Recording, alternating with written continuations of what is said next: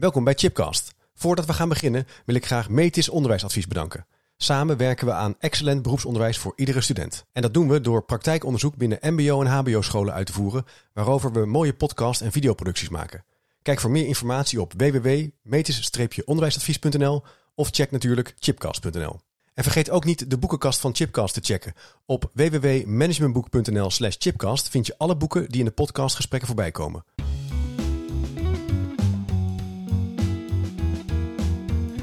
Welkom bij Chipcast, waar ik op zoek ga naar ongewone antwoorden en nieuwe perspectieven op vragen die mij bezighouden. Leuk dat je luistert naar weer een nieuwe aflevering. En dit is wel best wel een speciale aflevering, want ik ben vergezeld, kan ik wel zeggen, door Frederik Jansen en Hessel Hettema in de uitzending op afstand, maar wel weer bij elkaar voor een bijzondere podcast, een bijzondere start. Uh, Frederik en Hessel, welkom in de uitzending. Dankjewel. Superleuk. Yes, dankjewel. Ja, superleuk dat jullie erbij zijn. Uh, ja, wat er bijzonder aan is, is dat wij deze podcast, podcast samen hebben voorbereid. Uh, want jullie zijn nog, ja, jullie zijn student. Jullie studeren. Ja, klopt. Uh, en, en, en misschien is het ook wel leuk om even te vertellen waar je bent. Want je bent ook niet in Nederland nu. Of in ieder geval, Frederik is niet in Nederland. Nee, klopt. Ik zit in uh, Stockholm, in Zweden op het moment. Daar doe ik een tweejarige master. Ik heb nu bijna zomervakantie. iets eerder dan de Nederlandse studenten. maar ja, ik ben dus echt op afstand. Ja. Leuk. En wat studeer je voor de, voor de luisteraar om dat even scherp te krijgen?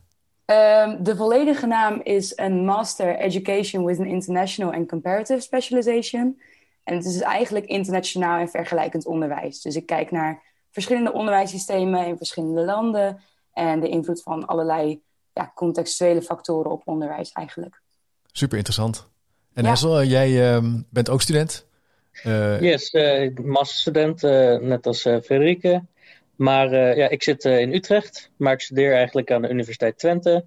En daar uh, doe ik Educational Sciences and Technology. Kijk. Dus onderwijswetenschappen met een focus op technologie. En daardoor ook een focus op ja, de vernieuwing van het onderwijs. En wat, ja, wat voor vruchten we allemaal kunnen plukken uit verschillende technologische vernieuwingen. Ja. Heel interessant. Ja, leuk. Ja, ik vond het um, toen jullie contact met mij zochten, dacht ik, ja, dat is gewoon gaaf om te doen. Want jullie hebben allerlei ideeën over onderwijs, over onderwijsverbetering. Jullie studeren, dus jullie komen op allerlei plekken. Um, en toen dachten we, laten we gewoon een drieluik gaan opnemen. Dus dit is de eerste podcast van een drieluik. Um, en we gaan het in deze eerste podcast hebben over de studentencultuur.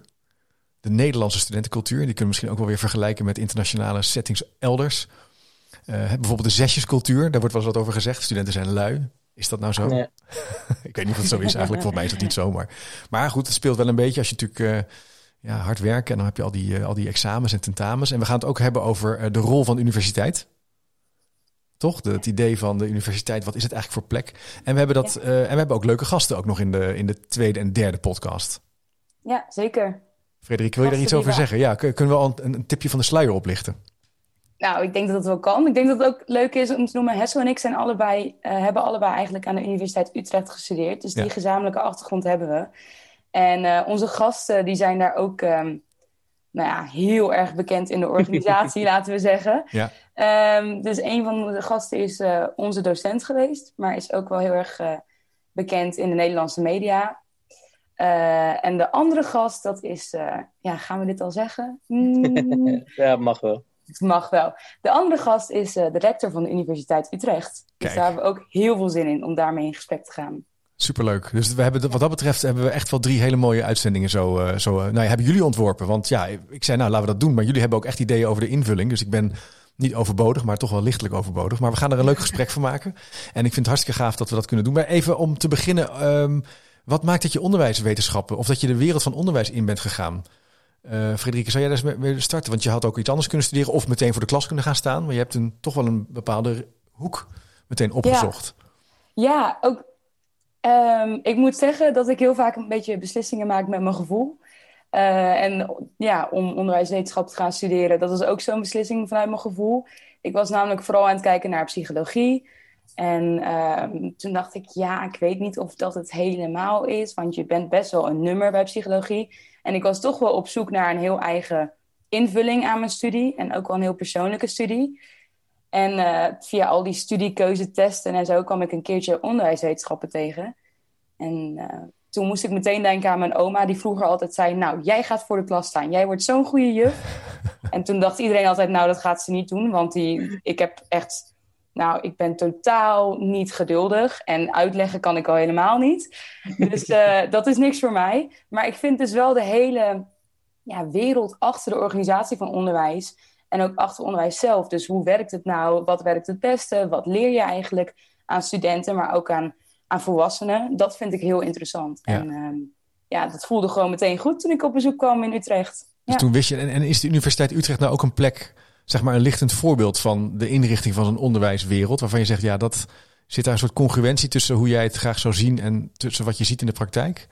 Ja, voor mij denk ik wel. Ik ben tijdens mijn studie ook best wel heel veel betrokken geweest in verschillende ja, uh, organen binnen de universiteit. Bijvoorbeeld de faculteitsraad, ook mijn studenten, uh, ja, studievereniging eigenlijk.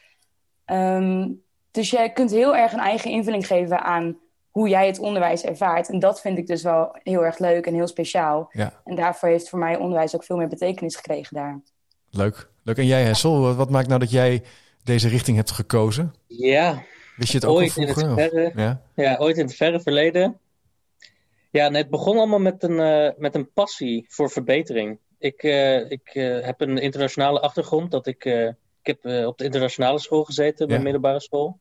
En eigenlijk mijn hele leven dus in Noorwegen opgevoed, een hele andere setting. Maar wat ik daar heel erg merkte is dat onderwijs gewoon iets meer een menselijke een touch had. Gewoon de student is heel belangrijk, je hebt e-, eigen persoonlijke behoeftes. Mm -hmm. En dat daar aandacht voor was. En ja, toen merkte ik, ja, toen ik ging studeren in Nederland, dat dat net iets anders zat. En toen dacht ik, ja, wat is hier nou het verschil? Ik ik zou willen dat iedereen dit zou zo ervaren zoals ik het heb ervaren. En uh, ja, zo kwam ik uiteindelijk uit uh, op onderwijswetenschappen. Hoe zou ik mijn passie voor het verbeteren van, en dan maakt niet uit wat het is, maar leren is toch wel echt een, een heel mooi iets wat heel veel dingen gelijk kan trekken in de wereld ook, vind ik. Dus dat, uh, dat soort concepten nou, leidden ertoe de, dat ik dacht, laat ik onderwijswetenschappen gaan doen. Ik wil mensen helpen die persoonlijke leertrajecten, wat voor hun werkt, zeg maar, eh, uitvinden. Ja. Mooi dat je zegt ook van leren, onderwijs kan het gelijk trekken. Hè? Is een manier om hoger op te komen of om ja. je doelen te realiseren of om gelukkig te worden, om toegang te krijgen tot de wereld. Ja, ja dat, uh, daar, daar was ook uh, een benadruk in, in Noorwegen voor, zeg maar. Dat gewoon die gelijkheid en dat een manier om dat door de hele wereld te verspreiden en door eh, die kansen voor iedereen gelijk te maken, is dus door, door iedereen te onderwijzen of door een manier van onderwijs te bedenken die dat promoot. En was dat ook, werd daar ook echt zo openlijk over gepraat door, door, door docenten en door schoolleiders? Was dat iets, werd, wat dat in Nederland is dat volgens mij op scholen zelf niet zo'n onderwerp van gesprek. Misschien wel ja. in de notities erover en zo, maar... Ja, dit was dus denk ik omdat het een internationale school was. Er was ja. veel aandacht voor dat je heel veel respect voor elkaar moest hebben. Dus dat kwam heel natuurlijk in zo'n gesprek. Hm. Van diversiteit, dat dat uh, ja, heel erg goed is. Dat verschillende meningen zorgt voor een beter collectief dat je dan kan creëren. Ja. En gewoon dat er een zero tolerance, tolerance policy was op dingen zoals pesten, discriminatie. Er was gewoon, dit gebeurt hier niet. Wij willen dat iedereen zich veilig voelt. Oh. Zodat ze lekker zichzelf kunnen zijn en, uh, en leren. En dat heeft er bij mij ook voor gezorgd dat ik heel enthousiast op school was. Zero tolerance, dat, uh, maar dat is ook okay, interessant. Dus daar was echt wel een hoge norm op. Van dat we moeten op, met een, bepaal, op een bepaalde manier met elkaar omgaan. En daar sturen we ook echt op.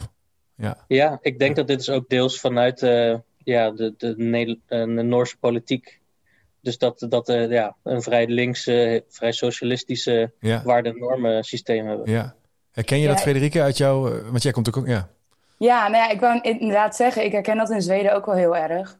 Um, mijn master is natuurlijk nu heel internationaal, maar hier wordt het ook echt duidelijk benoemd door mijn uh, docenten nog steeds. Van hè, onderwijs is echt de manier om iedereen uh, een plek te geven in de maatschappij of iedereen uit te dagen en, en potentie, uh, ja, potentie te geven. Ja. En um, ook op middelbare scholen en, en basisscholen wordt dat hier heel erg benadrukt, dat dat zo belangrijk is. Um, die zelfontwikkeling eigenlijk ook een stukje. En dus inderdaad ook dat iedereen er mag zijn op zijn eigen manier. Ja. Hey, en, dan kom je, en dan kom je in Nederland op de universiteit.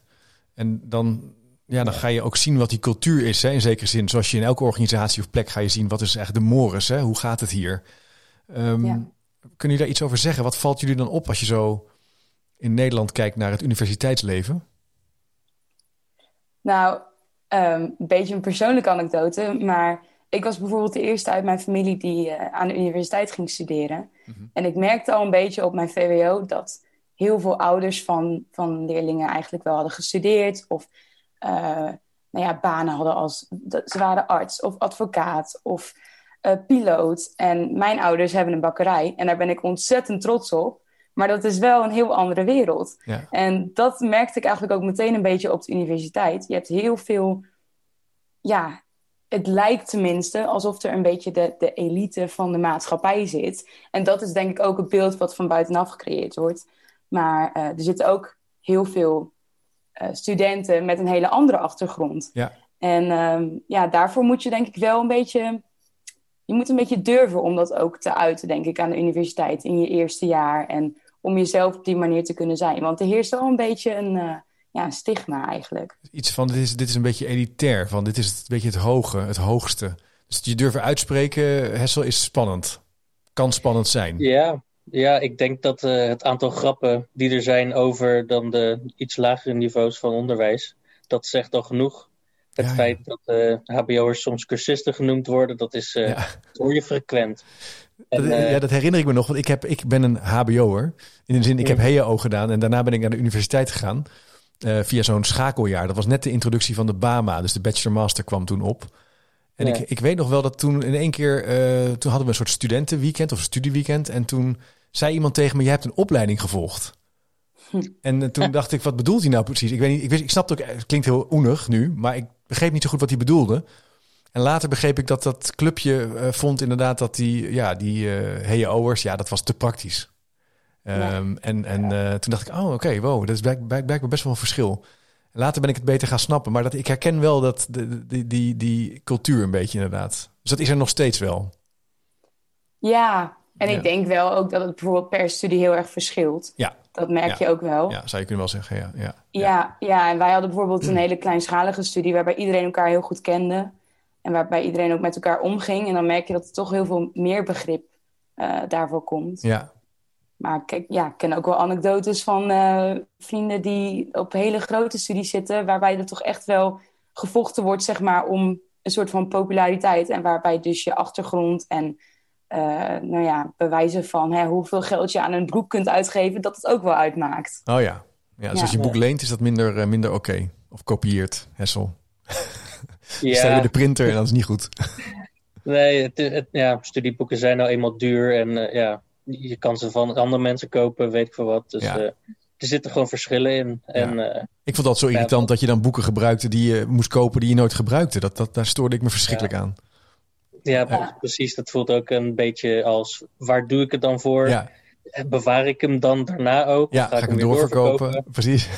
Ja, ik dacht altijd, ja, de, de echte boeken die ik wil hebben later, dus ze staan daar, dan, ja, ik ga ze echt bewaren totdat ik ze over tien jaar nog een keer terug ga denken of een andere opdracht heb binnen waar ik werk of zo. Ja. Dat ik hem dan wel erbij ga halen. Ja. Dat is wel het idee wat ik altijd had bij het kopen van de boeken. Maar ja, dat is niet, uh, voor iedereen weggelegd. En uh, ja, e-books en uh, ja, alles is te downloaden. Ik vraag me toch af hoe, hoe lang dat dan meegaat, zeg maar. Ja, precies. precies. Hey, en jullie hadden het ook in de voorbereiding over de zesjescultuur. Daar ben ik natuurlijk ja. ook wel nieuwsgierig naar. Wat, wat bedoelen jullie daarmee met de zesjescultuur? Is dat... Nou ja, ik kan er wel iets bij voorstellen, maar leg het eens uit. Ja, wat ik eronder versta, want voor mij was dit een, juist een switch van uh, de middelbare school in Noorwegen naar Nederland, was ineens ging het niet meer om het hoogste cijfer halen. Het ging haast bijna om zo ja, een minimale effort, een minimale moeite doen voor een cijfer dat voldoende is. En dat is ah. denk ik ook hoe ik de sessiescultuur zou omschrijven. Ja. Het is bijna, ja, je wordt bijna een streper genoemd of zoiets als je al eenmaal hoger dan een, een 7 gaat halen. Of dat je daarvoor wil gaan, überhaupt. Ja, het ja, lijkt een soort wie kan het minste doen en nog steeds het slagen. En dat je ook heel blij moet zijn met het slagen. Dus dan, ja, dat je het precies redt. Frederika, jij zit ja te knikken. Is dat dus, klopt dat, zeg maar? Ja, volgens mij zeggen ze ook een 5,5 is een studententien of zo, toch? Ja, oh, Bij 5,5 haal je je tentamen, ja. Ja, ja, dat is wel een hele bekende. Maar dus dat Ja. is, maar hoe komt dat dan? Is dat ja, een beetje strategisch, hè? Een beetje, een beetje vooruitkijken, precies genoeg doen. Maar waar- waarom zou je dat doen? Waarom zou je blijkbaar gebeurt er iets dat je dat gaat doen?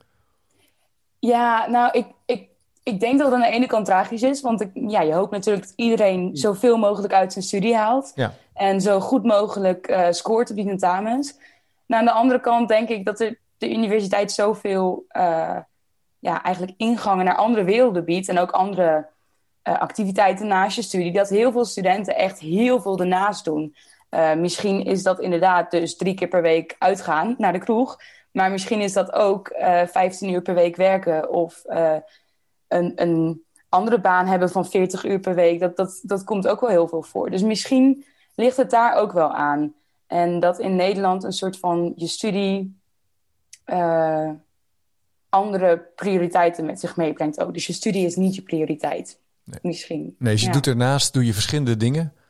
Eh, en dat zie je eigenlijk als onderdeel van het hele studeren. Dus waardoor eh, het maximale uit dat vak, van dat vak, als voor zover het een cijfer is dan, of een toets of wat het ook is, dat is dus minder belangrijk. Je probeert eigenlijk het allemaal een beetje zo.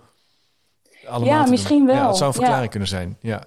Ja. Ja, maar ja, ook wel. Het, ik bedoel, we feesten in Nederland ook wel heel veel hoor, als studenten, moet ik zeggen. ja, is dat meer dan in naar- het buitenland? Ja? Ja, absoluut. Ja, Zeker, ja, als, ja. ehm, als ik kijk naar wat wij deden in onze bachelor en wat hier mensen doen in hun bachelor, dan, ja, we leven natuurlijk ook een beetje in een andere, in een andere wereld met een pandemie. Ja. Maar ehm, eh, in ieder geval in, in wat zij gewend zijn, dan is het wel heel anders dan wat wij gewend zijn. Hm. Wij halen wel echt nachten door en eh, gaan meerdere keren per week stappen. Zitten meerdere keren per week met vrienden samen.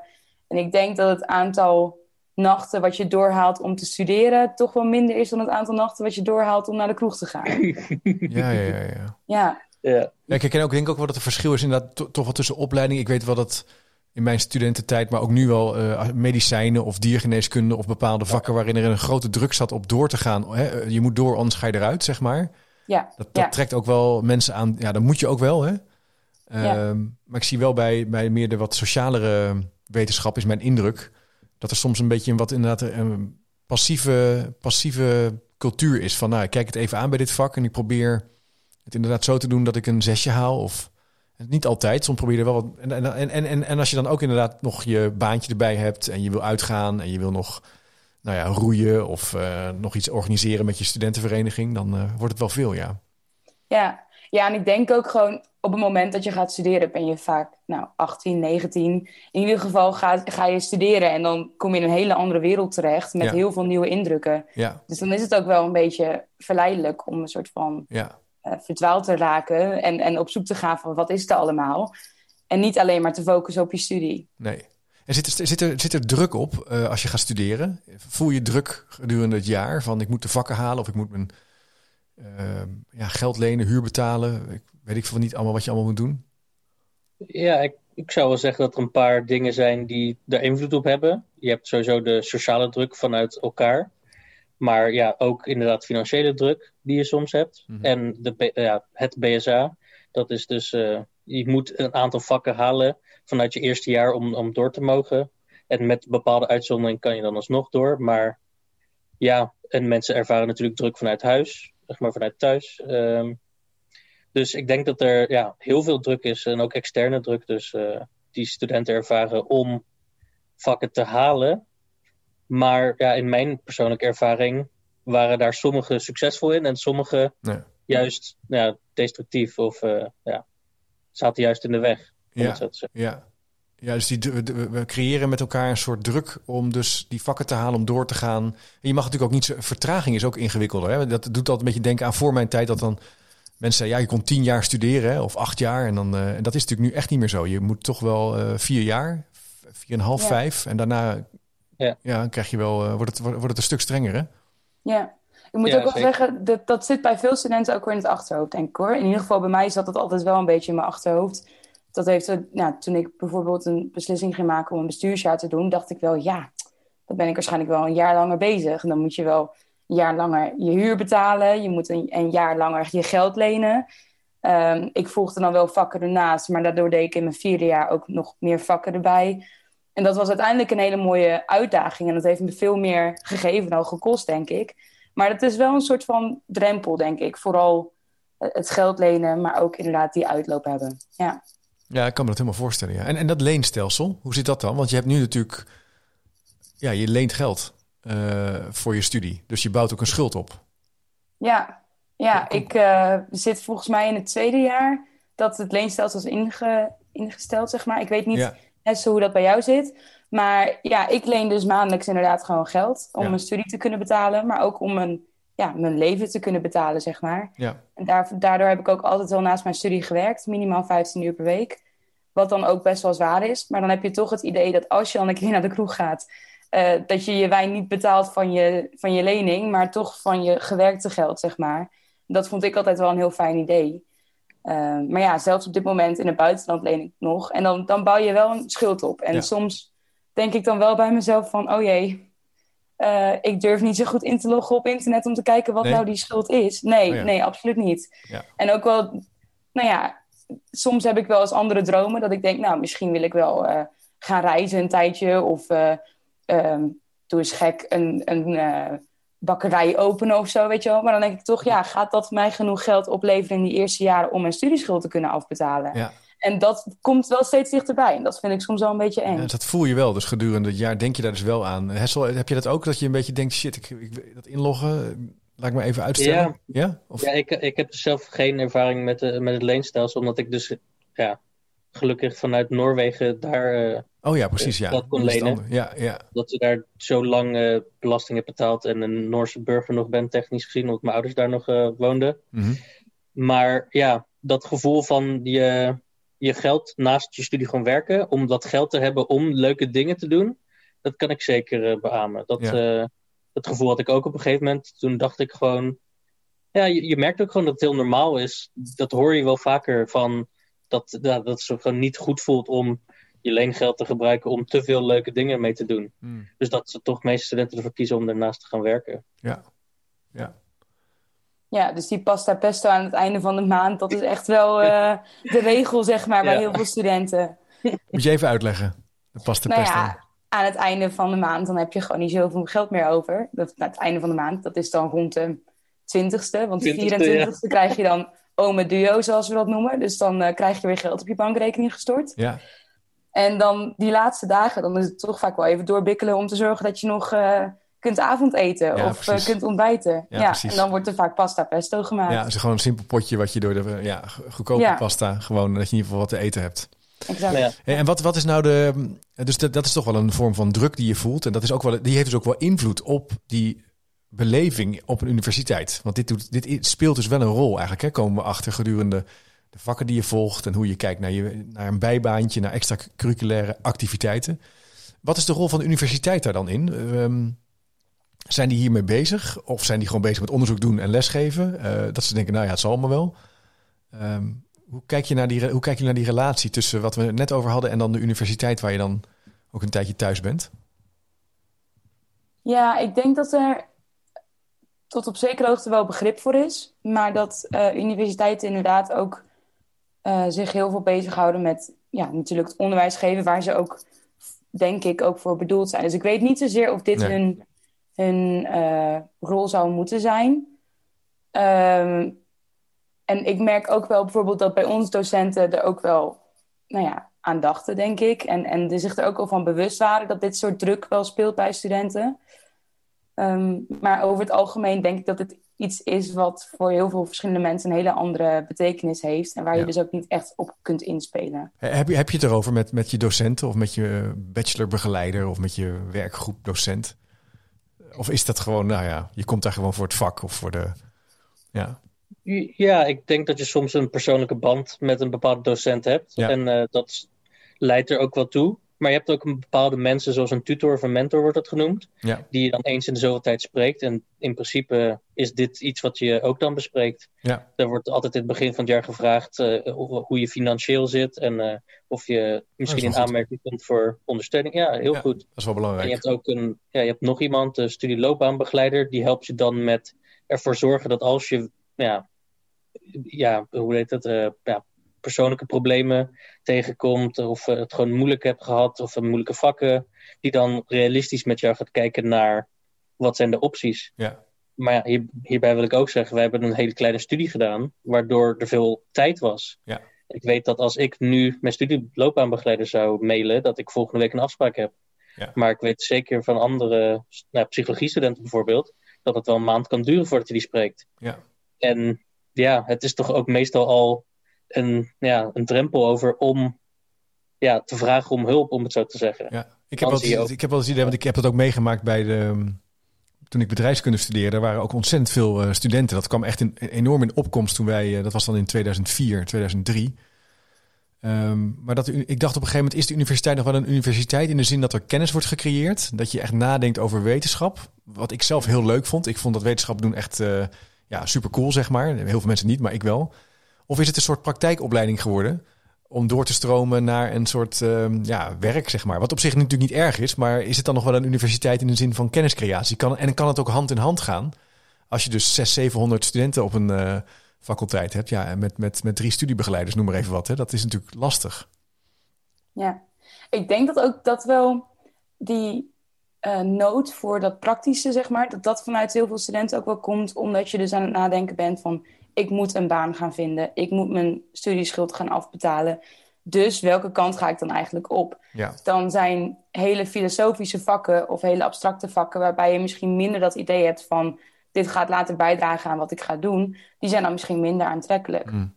En ik denk dat uiteindelijk heel veel studenten eh, wel doorkrijgen dat je wel ergens terechtkomt. ja, En dat alles wat je leert dus heel fijn is meegenomen. De- juist ook de filosofische aspecten en eh, bepaalde kennis waar je misschien niet meteen iets aan hebt, maar op een later moment wel. Of die heel erg vormen hoe je denkt. Dat dat zeg maar, dat wordt dan toch wel belangrijker. Maar in het, Ja. die- Ja. in het begin is die praktische toepasbaarheid toch ook wel heel belangrijk, denk Ja. ik. Maar het is wel een spannend thema, want eh, er zijn natuurlijk nu ook eh, vakken waar, of, of disciplines die beginnen weg te vallen. Hè? Nederlands, Ja. eh, wiskunde, waar heel veel vraag naar is, maar waar ja, dan blijkbaar studenten toch kiezen voor andere vakken. Eh, dat is toch ook wel lastig. Hè? Bijvoorbeeld bedrijfskunde is een, is een, eh, was toen ik studeerde een heel ja, groeiend vakgebied. En de laatste jaren komen ze eigenlijk achter dat ze helemaal niet meer zo zitten te wachten op bedrijfskunde afgestudeerden. Die noodzaak is blijkbaar weg. Ik vond het nogal schokkend, maar goed, blijkbaar wel. Ehm, maar ja, er zijn nog wel veel inschrijvingen. Dus dan ga je ook, als universiteit ben je ook natuurlijk, moet je, het ook, de, moet je ook de balans maken. Moet wel allemaal uitkomen. Ja. Ja, ja, Ja, ik denk dat daar de interessante vraag zit van ja, de connectie met dus de praktijk en eh, wat is daar de rol van de universiteit in. ja, Want ik ben zeker naar de universiteit gegaan in plaats van naar een, een HBO-studie om meer een soort kritische houding en Ja. bepaalde vaardigheden aan te leren Ja. van problemen oplossen. Onderzoek doen leek me wel leuk, maar niet per se het doel van wat ik wilde doen. Maar ja, het was wel een plek waar ik heel erg die nieuwsgierigheid kwijt kon, bijvoorbeeld. ja, ja En precies. dat is weer dat kenniscreatie. Ja. Dus ja, voor mij persoonlijk was het dan al geen optie. En om iets anders te doen, bijvoorbeeld, of ik zag dit als de leukste en wat mij het meeste zou interesseren, wat dus voor motivatie zou zorgen. Ja, en dan dus binnen het gebied wat jij wil. Ja, Maar ik heb wel een beetje rekening gehouden met dat onderwijswetenschappen toen ik eh, begon met studeren, dat is eh, nu vijf jaar geleden, dat het toen heel erg ja, hot was, dat, eh, dat er veel vraag voor was. ja. Dat ja, is iets wat altijd in je achterhoofd Speelt speelt. toch wel mee, ja. ja.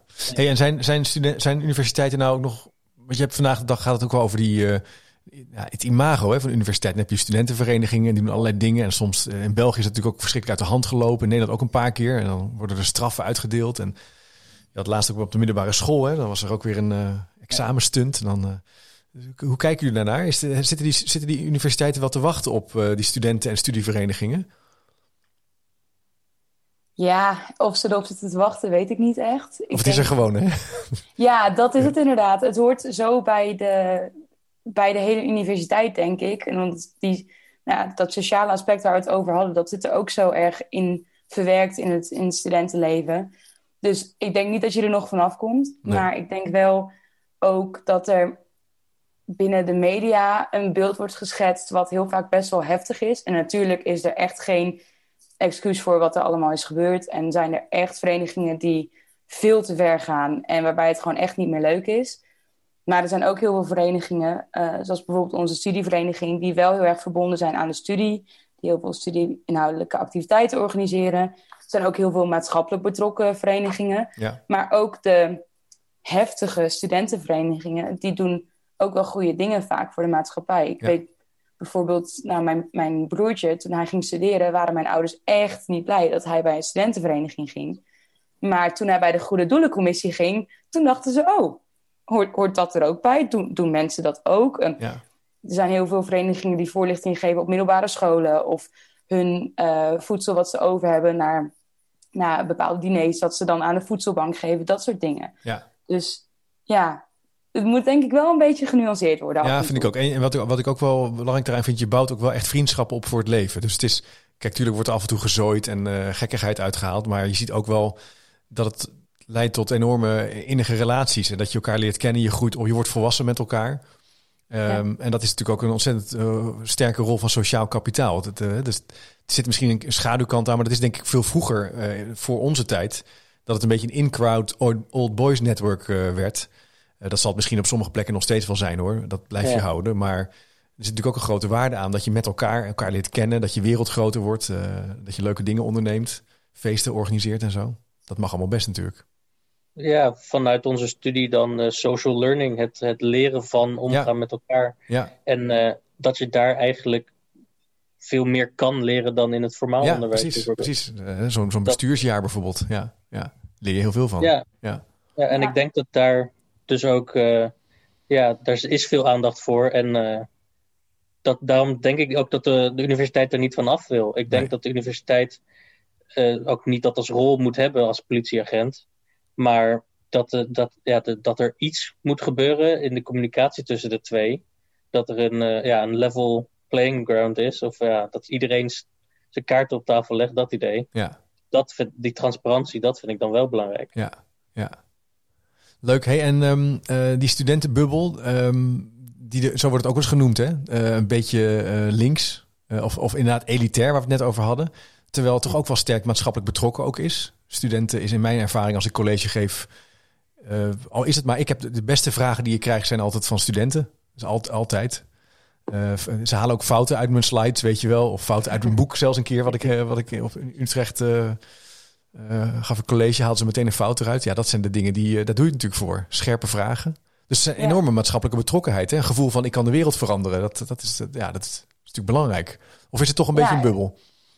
Nou, ik denk dat wij beide wel... wij hebben heel veel gesprekken gehad tijdens onze bachelor. Dat we echt wel heel ver dachten van... Hè, wat kun je nou veranderen? En, en wat, wat kun je nou met je stem als persoon en als individu? En er zit ook een soort van, ja, soort van magie aan... als je dan die studentenwereld instapt en, en bezig gaat met een nieuwe studie... en zoveel leert. En dan ga je zo kritisch nadenken over bepaalde dingen... dat er een soort van ambitie ontwikkelt en, en dat je zin krijgt in innovatie en om dingen te veranderen. Ja, En eh, ik denk dat ook heel vaak reflecteert op hoe je naar de samenleving kijkt en, en wat je doet voor die, voor die samenleving. Ja. Dus dat stukje maatschappelijke betrokkenheid, ja. je krijgt eigenlijk, doordat je, je, je leert eigenlijk hoe je invloed kunt nemen. En dat, je, en dat je invloed kunt nemen. Dat als je initiatief neemt en je wil iets veranderen, dan lukt het. Of dan in het klein kan je je aansluiten bij een studentenoverleg. Je kan meedoen met een politieke partij. Je kan eh, nou ja, lezingen organiseren. En dat is natuurlijk Ja. ook een vorm van emancipatie bijna. Dat, dat is natuurlijk heel tof. Als je dat hebt, dan weet je ook later van... hé, hey, als ik iets wil, dan kan ik initiatief nemen. Ja, Ja, ja ik denk dat het heel, heel belangrijk is, een soort van hè, die, die empowerment bijna. ja, Dat, eh, dat dat echt iets is wat ik hoop dat veel studenten meemaken. ja. Um, dat is wel een heel mooi iets, denk ik. Ja. ja. Dus we moeten, we moeten gaan voor empowerment, eh, Hessel. Ja, ja ik, ik vond het leuk dat het woord magie, want eh, dat, zo voelt het ook. Dat Ja. je gewoon je ambitie, je innovatie en dat beetje naïviteit, Ja, dat dat in, ja, in het begin vooral van je studie, dat dat gewoon een, een plek krijgt. En ja, een voorbeeld van maatschappelijke bewegingen die er dan gebeuren is bijvoorbeeld de Batavierenrace. Dat is dan eh, dat de allemaal studenten, en ja, die organiseren allemaal clubjes en die gaan dan hardlopen van eh, Nijmegen naar Enschede. En, ja, en een groot feest aan het einde, het, het grootste feest in de Benelux, denk ik. Studentenfeest dan. En ja, ik weet niet, het, het idee van samen dan sporten en Ja. dan ja, dus fit worden en gezond daarmee bezig zijn en het daarna vieren met zo'n grote groep mensen. Dat, Ja. eh, is iets wat ik altijd al heel mooi heb gevonden. Want het zijn ook mensen die dat moeten organiseren natuurlijk. Dat zijn ook allemaal studententeams. Die zijn er een heel jaar mee bezig. Misschien wel langer. Dat is natuurlijk fantastisch. Ook het hele idee bedenken is al. Hè, en dat in uitvoering brengen. Dat is natuurlijk ook eigenlijk een vorm van innovatie. Hè? Innovatie is ook iets bedenken wat eigenlijk niet helemaal kan. Of wat een soort gekke oplossing is voor een probleem. En dan gewoon zeggen, ja, we gaan het toch doen. Ja, en ik weet nog wel toen ik mijn, mijn huis, mijn ouderlijk huis lag op de route van de Batavieren race. Nou, en dat, ook al had niemand in mijn dorp misschien op dat moment, of heel weinig mensen, hadden echt iets met de universiteit of deden eraan mee. Iedereen keek naar die Batavieren race uit. Want dan kwam, dan kwam er zo'n groepje studenten eerst een aantal maanden van tevoren en die vroegen dan of ze stroom mochten gebruiken. En die gingen kijken waar die dicties neergezet konden worden. En er zit zo'n organisatie omheen. En dan uiteindelijk komen er nou, duizenden studenten in gekke pakjes. En iedereen is gezellig en iedereen is aardig. En die studenten kwamen bij mijn ouders in de bakkerij. En die waren altijd heel erg vriendelijk. En dat, is, dat soort dingen, is, ja, daar zat zo'n ander beeld aan vast. En dan, dan ontmoet je die studenten en zo'n grote organisatie. En dan ga je er heel anders naar kijken. Ja, en je leert ook, ook ontzettend veel van door het te organiseren en te maken. Dus daar zit ook nog een punt in. Leuk hoor. Dus wat dat betreft... Uh, uh, is, de, is het studentenleven veel meer dan een vak volgen en een uh, papiertje halen. Maar zou het eigenlijk vooral moeten gaan ook over die magie, over het initiatief nemen, over het emanciperen. Samen met de universiteit kritisch leren denken, waar we het in het middengesprek, middengedeelte van het gesprek over hadden.